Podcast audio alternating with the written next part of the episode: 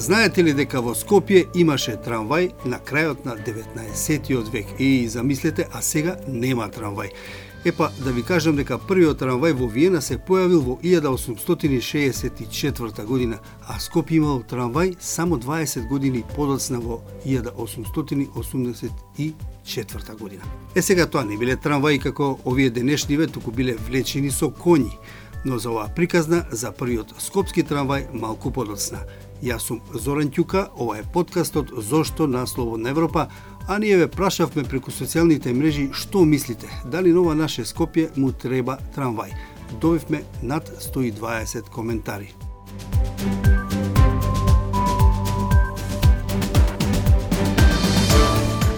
Ванчо Попов, на пример, вели, на Скопје му треба трамвај, му треба железница, до аеродром Петровец и Драчево му требаат две-три подземни делници како за метрово центар и ефикасен систем на автобуски превоз што комбинациите ги ги направи возможни и практични. Така функционира вели тој велеградовите во Европа. Чангул Шаван пак додава, да, потребен е трамвај, тој смета дека треба само една единствена линија брз трамвај ограден од Сарај до Лисиче поставен на левиот брег на Вардар да работи постојано 24 часа секој ден. Некој од вас се и против, но повеќето ни порачувате дека се за трамвај. Имате разни идеи. Е, за овие идеи разговараме со Зоран Кракутовски, професор од Градежниот факултет во Скопје. Човек кој се разбира во оваа проблематика. Добар ден за професорот Зоран Кракутовски, професор од Градежниот факултет во Скопје. Човек кој се разбира во проблематика. Добар ден, професоре. Добар ден и благодарам на поканата. Да ја прашам, според разни истражувања, па и она на Агенцијата за просторно планирање, изградба на шински јавен превоз во Скопје е необходна. Така барем велат. Се констатира дека заради неконтролираната и брза експанзија на главниот град, патната инфраструктура не е во состојба да ги задоволи потребите на градот Скопје. Констатација има, реализација нема. Зошто?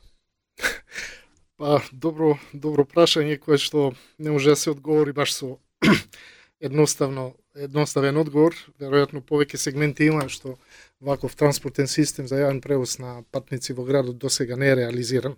И покрај тоа што е предвиден со предходниот генерален урбанички план на Скопје, значи оваа идеја за трамвај, знаете, негде почнува уште историјата како земе 80-тите години, тогаш јас бев студент на градежен факултет и тогаш пропадна некој референдум, имаш се сеќавам. Тоа е многу чудно што так. пропадна референдумот на скопјани кои не сакаат трамвај. Многу чудно, зошто? Така, па, видете, 80-тите години беше и реално, а пропадне затоа што она што го нарекуваме степен на моторизација не беше така голем во Скопје во тие години. Меѓутоа, со тек на време, степен на моторизација е број на автомобили, патнички моторни возила на 1000 жители, постојано се зголемува и негде на ниво на државата во 95 година имавме околу 156 патнички автомобили на 1000 жители, сега имаме 260 на ниво на Македонија патнички так, автомобили на 1000 жители, а во Скопје сигурно сме негде над 320, треба ги погледам последниве податоци, патнички автомобили на 1000 жители. Значи, автомобилите се повеќе го завземаат приматот на пазарот на транспортни услуги за мобилноста на граѓаните во Скопје. И ако дозволите,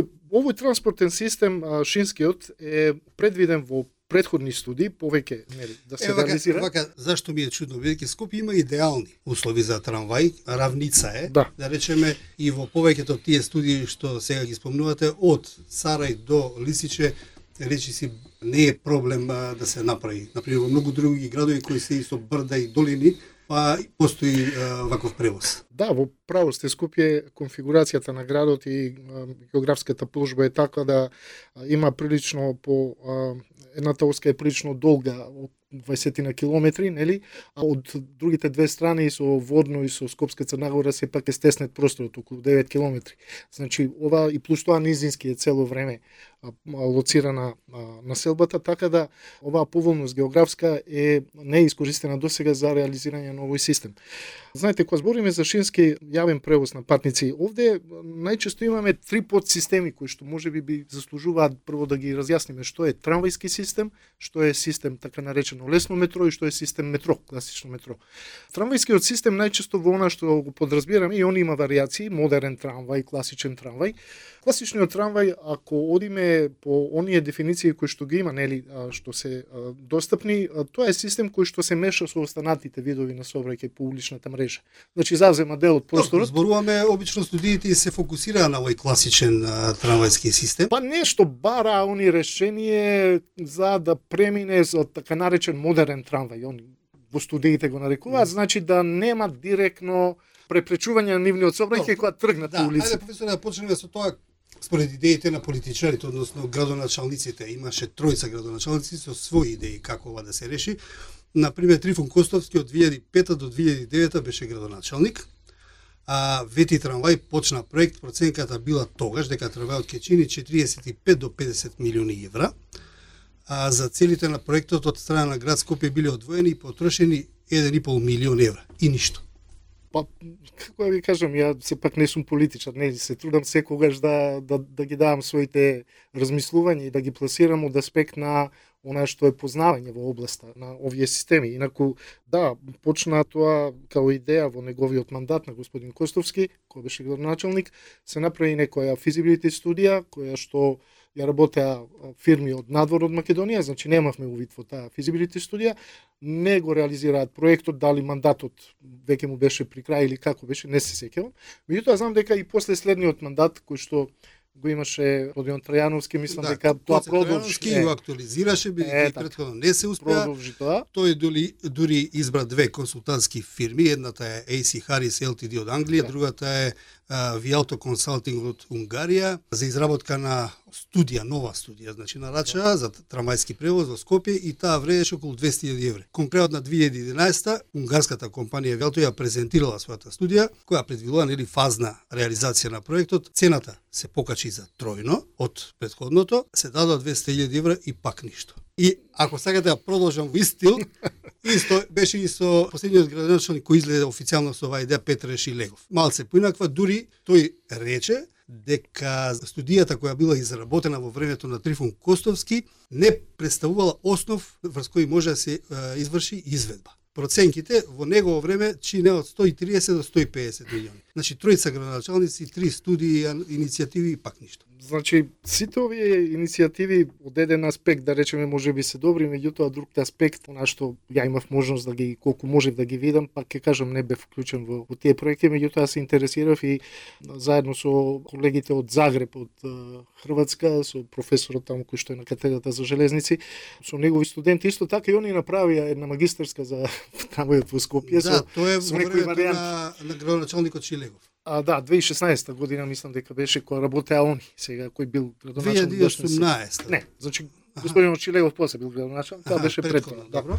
А, значи по наша идеја беше да се направи и може би една варијанта за така наречен систем лесно метро што они малце го направија на како да кажам на поедноставен начин, значи да се влезе со подземна конструкција негде на раскрсницата кај така Сити Мол, раскрсница помеѓу улица Московска така и булевард Партизански одреди и да се излезе со тој тунел како они го некако испроектираа да се излезе после транспортен центар, меѓутоа не, тоа е преголема, да кажеме, инвестиција и според нивните проценки и за возила и за инфраструктура, ова негде околу 250 милиони евра беше, меѓутоа пак ќе кажам ова е 2016 година нивна проценка која што на вистина многу многу голема и не мора да е така голема. Една друга работа што не беше никогаш испитана, а сега ја работи еден мој студент со во магистерски труд, а тоа е она што го имаат швајцарците во Лозана со ваков шински превоз, ваков систем.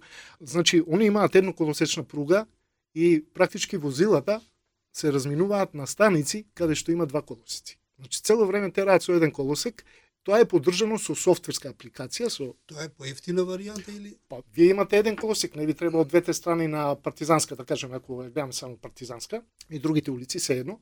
Вие имате само еден колосек по кој се движат двете возила во двете сообраќајни насоки. Кај се разминуваат? Се разминуваат на станиците каде што има два колосици. Ваква варијанта никој не не испита досега дали е возможно и колку би коштала и о, ова што реков за денивелирање, односно Ваков систем, според мене, мора да биде да оди во така наречена собствена средина. Не смее да се меша со постоечкиот сообраќај по постоечката улична мрежа. Затоа што може да предизвика само Добро, поголеми познавам, а, познаваме и многу други градови каде што буквално е измешана со другата. Зошто мисли дека не би можело да се меша? Да речеме Па, во Прага, да. а, шините поминуваат а, на сред улица, автомобилите може да преминуваат од едната до другата страна и тоа функционира веќе долги долги години. Па затоа што ние сега и со капацитетите на уличната мрежа, веќе ни се во централното градско подручје се гледаме, нели? тоа го сеќаме и да немаме баш она емпирика, се се гледа, секојдневно го обсервираме дека капацитетот на уличната мрежа за постоечкиот автомобилски сообраќај е веќе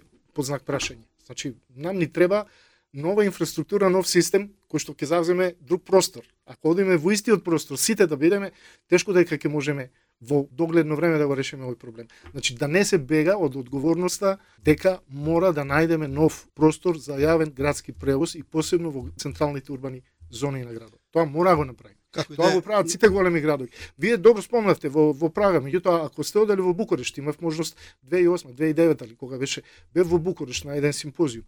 Значи во Букурешт комплетно го закрчи сообраќајот трамвај кој што е на површината. Значи комплетно се затвори сообраќајот, тоа со часови после требаше да помина за да се извлечат возила. Добро, веројатно секој град има Да, секој има свој специфика. специфика, да. Да, да, А, како да е, ниту една иницијатива, студија, проект не донесе резултати, се потрошија пари, а, никому ништо и сега што?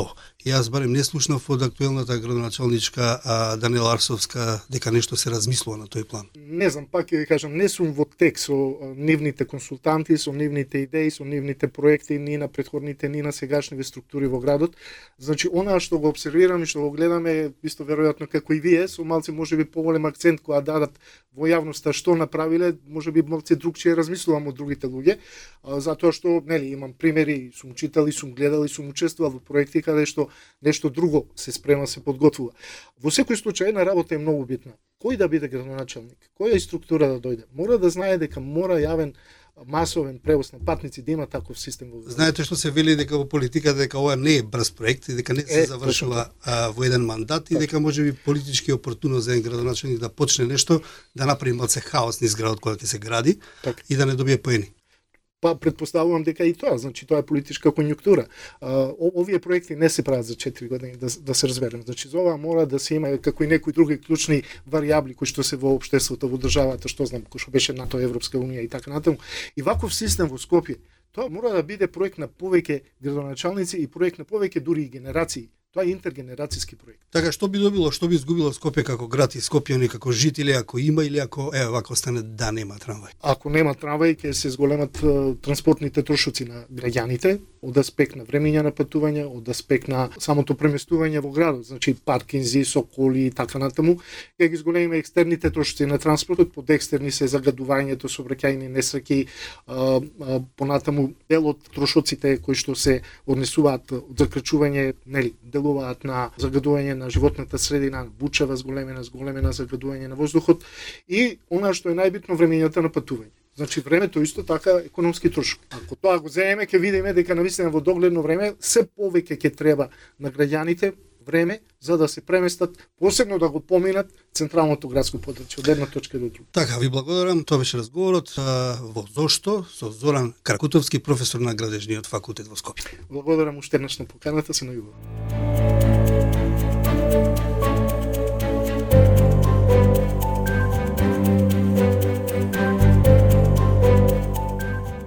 Ова тогашно чудо за Скопјани го возможиле браќата Шабан Паша, собственици на една од првите мелници во Скопје, пишува Скопје Инфо. Едниот од браќата Сулейман Емин тешко се разболел, а браќата веднаш го на лекување во Виена. Таму прв пат виделе трамвај, многу им се бендисал и веднаш решиле таков модел да донесат во Скопје. Во Скопје настанале турканици за да се дојде до билет за трамвајот. Тој бил вистинска сензација. Сообраќал од култната кафеана и Дадија во Дебармало, знаете нели, кон центарот на градот. Имало и други линии подоцна. Вака така во Скопје официјално трамвајот постоел се до 1912 година. Приказните велат дека трамвајот на браќата Шабан Паша Емини не се разликува од европските трамваи бидејќи од таму бил донесен. Најпрвин се движел на шпедитерски тркала, а подоцна на шини, влечен со коњска сила. Кроничарите на тоа време велат дека настанувале многу комични ситуации. Еве, например, кога конјот ќе се изморел, велат, легнул среде патот за да си одмори. Патниците чекале. Возачот на трамвајот пушел цигара и си правел муабет со минувачите. Но наскоро Скопската општина станала љубоморна на браќата и решила самата да воведе трамвај. Општината никако не можела да се договори од каде ќе бидат купени шините, а еден службеник за таа цел заминал за Истанбул и ги проневерил парите. Ех, во 1903 година во Виена веќе бил воведен електричен трамвај. Како и да е, денеска во Скопје, пак 120 години подоцна, еден од редките главни градови во Европа, па дури и на Балканот, кој не само што нема метро, туку нема ни трамвај главен град од 700.000 жители кон кои гравитираат по блиските градови како Куманово, Веле, Стетово, например. И секоја зима скопјани се жалат на автобускиот градски превоз на загадувањето, а налето се потат бидејќи не сите автобуси имаат клима. Зошто Скопје нема трамвај? Зошто ниту еден од тројцата бивши градоначалници ветија, а не успеа да почнат со изградба? Трифун Костовски, Пакоце Трановски и Петр Шилегов, како што веќе разговаравме, има иницијативи, нарача студии, некои дојдоа и до тендери за кои градот плати пари и толку. Нема одговори. Слушајте не, следете не, само ставете слушалки, побарете го подкастот Зошто на Слободна Европа и Spotify, YouTube, Apple и Google Podcast. Кликнете на Зошто и давајте ни идеи и теми кои сакате ги слушате, а ние ќе прашуваме преку нашите социјални мрежи. Со вас беа Зоран Ќука и Дејан Балаловски и голем поздрав од нас.